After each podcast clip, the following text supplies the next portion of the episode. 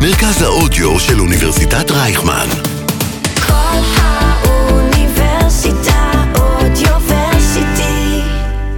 שלום לכם, מאולפני הרדיו באוניברסיטת רייכמן, אני רועי כץ, אתם צופים או מאזינים ל-RU Expert, סדרת אה, שיחות מקצועיות ואישיות עם מרצים מובילים כאן באוניברסיטה. אנחנו ממשיכים עם סדרת הרעיונות שלנו, עם הדוקטור מעוז רוזנטל, הוא מרצה בכיר בבית הספר לאודר לממשל, דיפלומטיה ואסטרטגיה, כאן באוניברסיטת רייכמן. שלום אדוני. שלום, שלום. בשבוע הבא תציין ממשלת אה, בנט שנה להשבעה. אנחנו זוכרים את האירוע הזה, זה היה אירוע מאוד uh, דרמטי על הפלור של המליאה, כן. uh, הרבה מאוד uh, רגעים מכוערים. תכף נעמיק בממשלת בנט, אבל uh, מהזווית שלך, מה הדבר המרכזי שאנחנו צריכים לזכור משנה ראשונה של הממשלה באמת מאוד יוצאת הדופן הזו? שגם קצוות יכולים איכשהו להסתדר ביחד, אם מסוגלים לא לדבר על הנושאים המרכזיים. אם את הנושאים שהם נוש... הנושאים המשסעים, זאת אומרת, דת ומדינה והשטחים, משאירים מחוץ לדלת עד עכשיו, עד השבוע הזה, אה, אז אפשר להסתדר. זאת אומרת שנדמה לי יאיר אה, לפיד, הוא טבע את הקלישאה ש-80 אחוז מהציבור מסכימים על 80 אחוז מהנושאים. כן. אז אם רק מצליחים לא לדבר על כמה מה-wedge issues הכי משמעותיים של אה, הישראליות, זה יכול לעבוד. כן, עד שהנושאים האלה יוצאים, ומטבעם של הנושאים האלה זה שהם uh, צצים. אלה אתגרי הסביבה שאנחנו נמצאים בתוכה. גם הסביבה הביטחונית וגם הסביבה הפנימית. זאת אומרת, אלה מתחים שהם שם, ולא בכדי. Uh, וברגע שבו הם עולים, אז uh, כולם, לא כולם, חלק גדול מהאנשים נאלצים לחזור למקום הטבעי שלהם, נקרא לזה מבחינת עמדות מדיניות, ואז היכולת לקיים קואליציה כזאת, כל כך מפוצלת, כל כך רחוקה, פשוט מסתבכים ו, אה, ומתקשים להמשיך לתפקד. דוקטור רוזנטל, אנחנו לא זרים לשיח uh, שנאה כלפי ראשי ממשלה בישראל. Mm-hmm. Uh, אנחנו זוכרים אחורה, אנחנו זוכרים גם בשנים האחרונות התבטאויות מאוד מאוד קשות, חלק בתקשורת המסורתית, חלק לא מבוטל כן. ברשתות החברתיות. גם uh, נפתלי בנט אוכל mm-hmm. לא מעט שיח שנאה, mm-hmm. ובעצם הכינוי שהוצמד לו על ידי המתנגדים שלו, חלקם אגב תומכיו, חלקם אגב אפילו מצביעיו, כן. זה הנוכל. כן. למה? כי הוא ביצע מעשה נוכלות, mm-hmm. הוא רץ על טיקט מאוד מאוד ימני, ומצא את עצמו בסופו של דבר בקואליציה שמונה סיעות, אפילו עם רע"מ. כן. עד כמה הנוכלות, לכאורה כמובן, של נפתלי בנט, יוצאת דופן בפוליטיקה הישראלית? אה, לא רק שהיא לא יוצאת דופן בפוליטיקה הישראלית, היא לא יוצאת דופן בפוליטיקה. אה, את המונח... אה, אני אגיד את זה באנגלית, moving to the wrong side of the policy space, זאת אומרת, לזוז לצד הלא נכון של אה, מרחב המדיניות, טבע חוקר אנגלי בשם איין מקלין, ואנחנו הרי תמיד אומרים, אנגליה זה המקום אה, התרבותי שבו דברים נוראים מעין אלה לא קורים.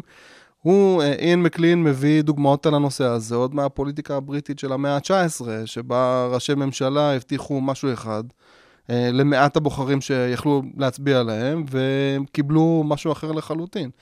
אה, הסיבות לזה, כלומר, הביטוי נוכל, הוא, הוא, הוא מדביק איזה מין תווית אישיותית למישהו. אתה יודע, איזה מין איש מכירות חלקלק שבא ונהנה מעצם הנוכלות עצמה, מעצם מעשה הרמייה.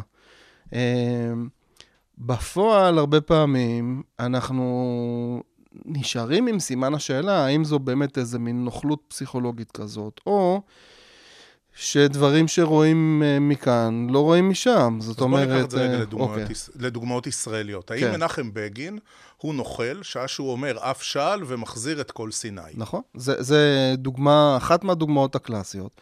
באמת של אדם שהיה מחויב כל חייו לארץ ישראל השלמה. אדם שבפעם הראשונה שהוא היה שר בממשלת הליכוד הלאומי, הוא עזב מכיוון שהתחילו לדבר על איזה סוג של יוזמת שלום ארטילאית עם, אה, אה, עם המצרים. אה, והוא זה שאחר כך מחזיר את כל סיני. עכשיו, בגין הוא דוגמה קלאסית למי שזז לצד הלא נכון של מרחב המדיניות. ואז אתה שואל את עצמך, מאיפה באה התנועה? יש הבדל בין... לעמוד על שלך מבחינת עמדות אידיאולוגיות ותפיסות עקרוניות לגבי המציאות והעולם וכן הלאה, לבין זה שאתה מגיע לשלטון, ופתאום אה, מוטלת עליך כל כובד האחריות של תפקיד ראש הממשלה. פתאום אתה אחראי, תרצה או לא תרצה. אתה אחראי לרווחה של כולם, ליכולות של אנשים אה, להסתדר ולחיות.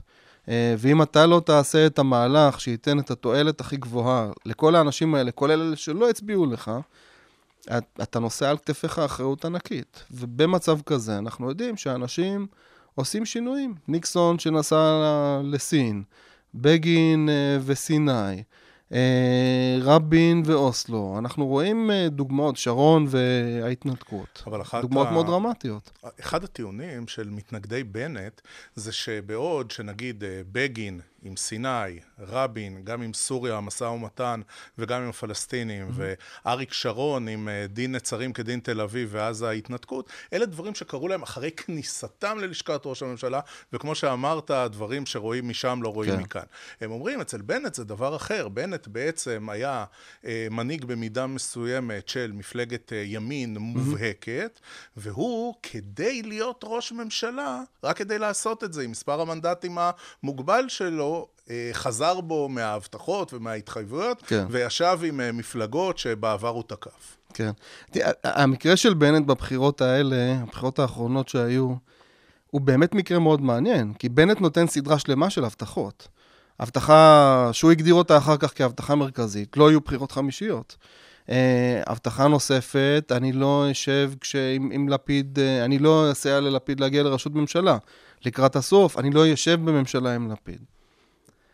עכשיו, אחרי שנתניהו לא מצליח להקים קואליציה, ולפיד מקבל את המנדט להקים קואליציה, ויש לנו את שומר חומות באמצע, ואז בנט בעצמו אומר, לא תהיה ממשלת שינוי, זה לא יכול לקרות עם כל מה שקורה מסביב. בסופו של דבר, בנט מגיע לאופציה של או ללכת לבחירות חדשות, להפר הבטחת בחירות א', או להיכנס לקואליציה עם לפיד, של הבטחת בחירות ב', כשיש בה פוטנציאל של הפרת הבטחת בחירות ג', כי אולי לפיד יהיה ראש ממשלה בסופו של עניין. בנט בוחר באחת משלושת האופציות. בכל מקרה, במקרה הזה, בתוך הרשת קורים הזאת שהוא טבע, אה, למשהו היה משקר. עכשיו, אתה יודע, אני לא הייתי רוצה להיות דובר שלו. Uh, הטענה שלו שהסיפור של uh, להפר את הבטחת הבחירות לגבי בחירות חמישיות, זה כבר באמת עניין של uh, פגיעה במדינה. כלומר, זה אדם שלשיטתו לפחות, הוא מסתכל על, uh, כן, איזה מין החלטה צופה פני עתיד, חושב בגדול גם אם הוא לא בתוך משרד ראש הממשלה. ואז מתוך זה הוא מחליט לא על בסיס מפלגתי, לא על בסיס פרסונלי, אלא על בסיס עקרוני, אני לא הולך לבחירות חמישיות, לכן אני נכנס לממשלה הזאת, אבל אני מכריח את לפיד להפוך אותי לראש הממשלה החלופי, ועוד בסיבוב הראשון. אה, אז בכל מקרה יש איזושהי דרך לצאת מהעניין הזה. הבעיה היא שבאמת הם נוטים, אה, אני חושב שלפחות לגבי הבטחות בחירות, לגבי הבטחת בחירות שאני לא אשב בממשלה עם לפיד, אפשר היה לראות בזמן אמיתי שזה מדובר בזוג של הבטחת בחירות שהיא לא, לא עומדת במבחן המציאות ולא עומדת לקרות. כשאנחנו מסתכלים אחורה, יכול להיות שצריך, אה, אתה יודע, ממש אופרטיבית, להפסיק עם הבטחת בחירות, וגם להפסיק עם מצע בחירות. אגב, יש כמה מפלגות, כולל הליכוד, שכבר לא טרחו אפילו בבחירות האחרונות. מפני שהמציאות הישראלית היא כזו, שזה הכל עניין של... קונסטלציה, תן לנו את הקונסטלציה הנכונה, כן. ואז אה, אנחנו זוכרים את אה, ממשלת אה, האחים של בנט ולפיד, אנחנו זוכרים ממשלות כמו הפריטטית של גנץ ונתניהו, גם שם הייתה הפרת בחירות מאוד מאוד משמעותית כן. של בני גנץ. אנחנו צריכים להבין, תקשיבו, לחבר'ה האלה לא צריך להאמין. כן. אתה יודע, זו שאלה עקרונית, אולי באמת להפסיק מאוד עם דרמטית. התמימות הזאת. תראה, הסיפור הוא כזה, הסיפור של מצעים, יש כאילו כמה חלקים זזים בעצם בתוך השאלה. יש את העניין של מצעים. המפלגות, כמעט כולן רצות עם מצע, למעט הליכוד והחרדיות. בדקתי, בעולם הדמוקרטי הקרוב אלינו, אה, מי שעוד רץ בלי מצע זה המפלגה של אורבן בהונגריה. שאר המפלגות רצות עם איזשהו מצע, דרך אגב, פחות עניין של הבטחת בחירות, יותר עניין של לאזן את הכוחות שהם מסביב למפלגה. זאת אומרת, אנשים שהם פעילי מפלגות, ואנשים שהם תומכים במפלגה באיזושהי צורה, שיהיה איזה מין מסמך מארגן, שבו הם מביעים את הרעיונות המרכזיים שלהם. עכשיו, אז זה הסיפור של המצע. העניין של הבטחות בחירות, אני אעשה ככה, אני אעשה ככה, אני אעשה ככה, אנחנו מראש מניחים אה,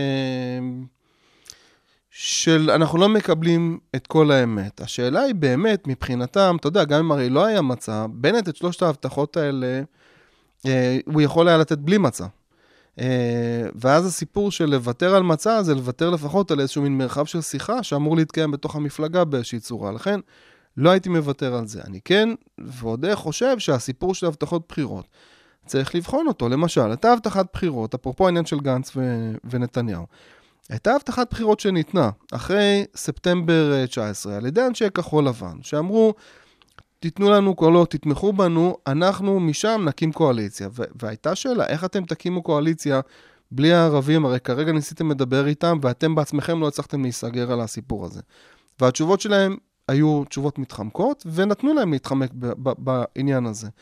יכול להיות שאנחנו כציבור צריכים להיות יותר ערניים, לשאול שאלות יותר נוקבות, את הפוליטיקאים כשהם מבטיחים הבטחות כל כך קונקרטיות, אמ, אבל גם, אני, אני כן חושב שהציבור מספיק חשדן, שהצי- שהציבור בעצמו מספיק ציני, מספיק שואל שאלות ומספיק לא בטוח בטענות האלה אבל אז שניתנות. אתה רואה דוגמאות כמו אה, יועז הנדל או צביקה האוזר, שלא מוכנים לשבת עם חברי הכנסת הערבים כשהם חלק מכחול לבן כן. כן. בבחירות ספטמבר 19, והוקוס פוקוס פתאום מקימים יחד עם אה, רע"מ אה, קואליציה. ואז אתה אומר לעצמך, רגע, כמה זמן עבר? זה אפילו לא פרק זמן מספיק לאיזה שינוי אה, אידיאולוגי משמעותי. ואתה ציינת את הציניות, כן. יכול להיות שהציבור הישראלי מזנב בציניות שלו אחרי הפוליטיקאים. כן.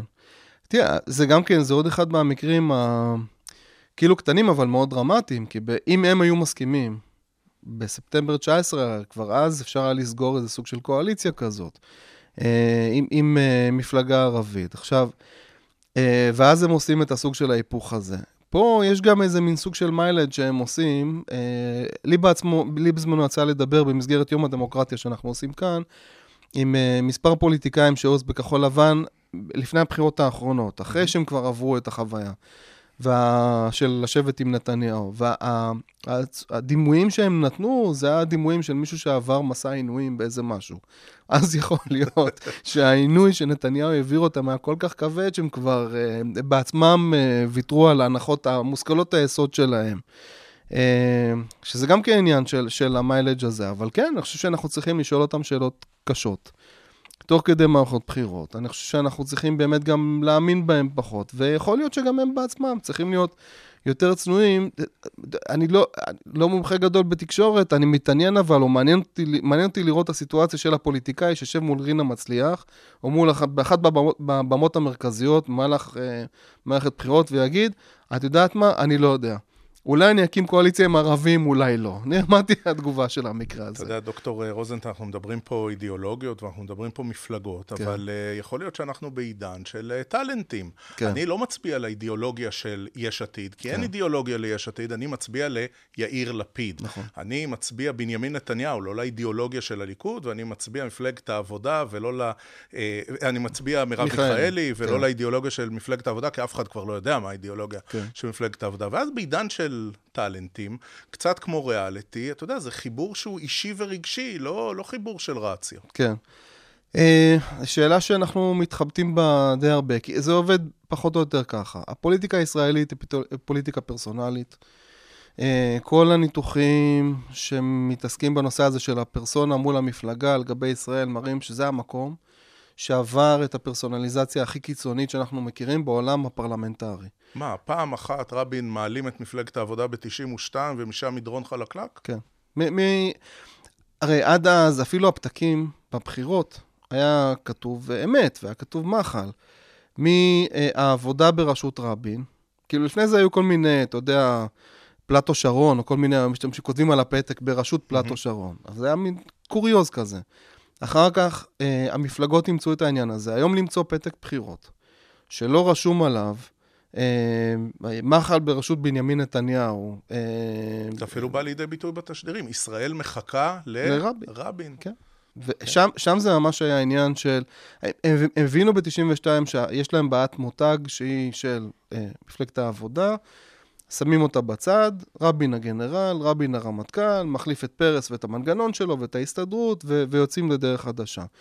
ולנתניהו זה כמובן היה, נפל כ- כפרי בשל, זאת אומרת שהוא יכול היה להזיז את הליכוד אה, ולקדם את המעמד שלו בבחירות, אה, היו גם בחירות, בחירות ישירות לראשות ממשלה. עכשיו, גם צריך להגיד, אנחנו קצת נשארנו אז. זאת אומרת, הבחירות לראשות ממשלה היו בסך הכל שלוש פעמים. 96, 99, ואז 2001, רק ברק נגד שרון. אנחנו מאותו שלב התקבענו על העניין הזה של להגיד, הצבעתי ללפיד, הצבעתי לבנט, הצבעתי לגנץ, ולא את שמות המפלגה.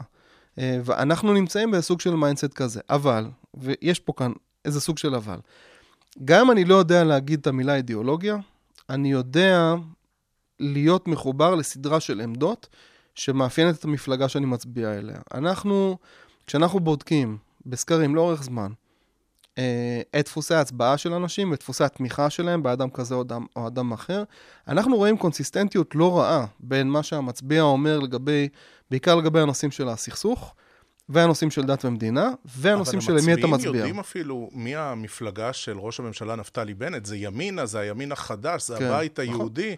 אתה יודע, כל פעם תפסו איזה ברנד אחר ומיתגו מחדש, כן. מנהיג של איזה מפלגה או של. איזה, איזה גוף פוליטי. אבל באותה, נכון, אבל באותה, אה, באותן בחירות, לגבי אותו מותג, כשאנחנו שואלים את מצביעי איחוד מפלגות הימין, או מה שהיה, כל מיני דברים כאלה, אנחנו רואים שהעמדות נשארות, המותג מתחלף. זאת אומרת, אם יגידו, אנחנו תומכים בבנט, אנחנו מצביעים ל... אנחנו לא זוכרים איך קוראים להם, אבל אלה העמדות שלנו לגבי הסכסוך, אלה העמדות שלנו לגבי דת ומדינה. זאת אומרת, בעניין הזה, החברה הישראלית, או הבוחר, הבוחרים הישראלים, נשארו כשהם יודעים כאילו מה הקבוצה שלהם. כן. זאת אומרת, גם אם הם מדברים על הקפטן של הקבוצה, ולא מזכירים את השם של הקבוצה, הם יודעים מי הקבוצה שלהם. אז זה עוד נשאר שם ברקע.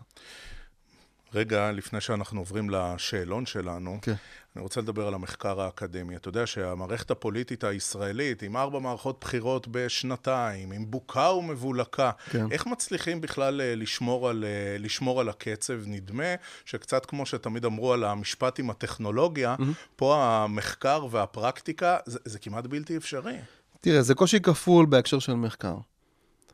הקושי הראשון הוא באמת להיות כל הזמן במצב שבו אתה אוסף כל הזמן נתונים על מה שקורה. כשאתה בכלל במחקר, אתה אמור להיות, אה, בואו תדברו איתי בעוד כמה שנים, אני אגיד לכם מה היה אז ב-2019. אז אנחנו כל הזמן במצב של לאסוף נתונים. אם זה ציוצים של ראשי מפלגות, לקודד את המצעים שלהם, לבדוק את האג'נדות שלהם, כל הדברים, לפחות בדברים שאני מתעסק איתם, אנחנו באיסוף נתונים מתמיד. זאת בעיה אחת. הבעיה השנייה היא האינטנסיביות. זאת אומרת, אין כמעט מקום בעולם, בדמוקרטיה פרלמנטרית, שהוא אינטנסיבי כמו המקרה הישראלי. איטליה היא אולי המקרה הכי קרוב אלינו. אה, ואז כשאנחנו באים עם הממצאים האלה, מחקר אקדמי, אתה אמור לפרסם אותו, אתה אמור לפרסם אותו באנגלית, אתה אמור לפרסם אותו בחו"ל. אנחנו באים עם זה הרבה פעמים, אני מקבל תשובות כמו, טוב, המקרה שלכם מקרה אקזוטי. אנחנו לא רוצים להשוות, כי באמת, אתם משהו מיוחד. אתם פוליטיקה אקזוטית. אתם משהו, בדיוק ככה, זה ממש אמ- אמירה שנאמרה לי ב, על ידי קולגות. אה, ו- ואתה יודע, לפעמים אני בתחושה, בעיקר מול האמריקאים שהם נורא מנומסים והם לא אומרים, שהם uh, כאילו חושבים שאנחנו ממציאים איזה משהו, כי זה לא הגיוני. זה לא הגיוני מה שאמרת עכשיו. מה זאת אומרת, משרדי ממשלה לא מוציאים את כל התקציב שלהם? מה זאת אומרת, כשמפלגה נכנסת לפרלמנט שלכם, יש שם uh, משהו כמו 60 אחוז מתאם, זאת אומרת, רק 60 אחוז מחברי הכנסת מצביעים באותה צורה. כשבכל העולם זה כמעט 100 אחוז. על מה אתה מדבר? אתה, זה לא הגיוני, מה שאתה אומר. אתה, אז זה, זה הקושי השני שקיים. ודאי לגבי מערכות בחירות שרצו אחת אחרי השנייה, שבד... ושוב, באיטליה הדומה לנו, יש להם, והם נמצאים עכשיו במצב די דומה, יש להם דרך אחרת לגמרי להתמודד עם מצב כזה, ואז גם כן, לך תשווה. ובכלל, לא בטוח זה רעיון טוב אה, להשוויץ בדמיון לפוליטיקה איטלקית. כן, כן, בהחלט. אה, דוקטור רוזנטל, אנחנו אה, מתפנים לשאלון שלנו. אוקיי. מה מייחד אותך כמרצה? הנכונות לבצע דיון פתוח על כל נושא, ולעשות, אה, להשתמש בהוראה אלטרנטיבית בכיתה. המקום האהוב עליך ביותר בקמפוס. אה, וואו, שאלה טובה, כי אני מאוד אוהב את הקמפוס הזה, והרבה פינות בו. אמ, הייתי אומר, המדשאה מחוץ ללאודר. תשובה קלאסית של אה, איש מדעי החברה, המדשאה. וגם דיפלומטית במידה. כן. מודל שלך להשראה, גם באישי, גם במקצועי. אה, מי שהיה המנחה שלי בדוקטורט, זיכרונו לברכה, גדעון דורון, שהיה גם, גם מעורב בעשייה הציבורית, וגם כתב וחקר והתקדם בזה. אני מחריג רגע אה, ילדים ומשפחה, הרגע הכי משמח בחיים. אה, הרגע הכי משמח בחיים, ההחלטה לחזור לכאן. כאילו, הייתה התלבטות די רצינית אחרי אמריקה, אחרי שנתיים שם, די שברנו את הראש, אבל uh, הייתה החלטה שהבית זה כאן, וכאן, כאן, כאילו, ברייכמן. אם לא היית אה, מרצה כאן באוניברסיטת רייכמן, מה היית עושה? מורה בית ספר תיכון, חד וחלק. מורה לאזרחות. כן, הייתי. עד שהחלטתי שאני מתקדם לאקדמיה, אבל uh, אני בין ה... אנשים, uh, בעיקר בימים האלה, שיש איזו תעמולה כזאת, שאיזה נורא להיות מורה וכל זה, אני הייתי חמש שנים בהוראה, בית ספר תיכון, מחנך, זה, כל החבילה. Uh, אני נהניתי מכל רגע. דוקטור מעוז רוזנטל, תודה. תודה רבה על השיחה. תודה, בכיף. אנחנו uh, מסכמים את הפרק הזה של RU Experts מול פני הרדיו באוניברסיטת רייכמן. תודה שהייתם איתנו. אני רועי כץ, ואנחנו נתראה ונשתמע בפעם הבאה.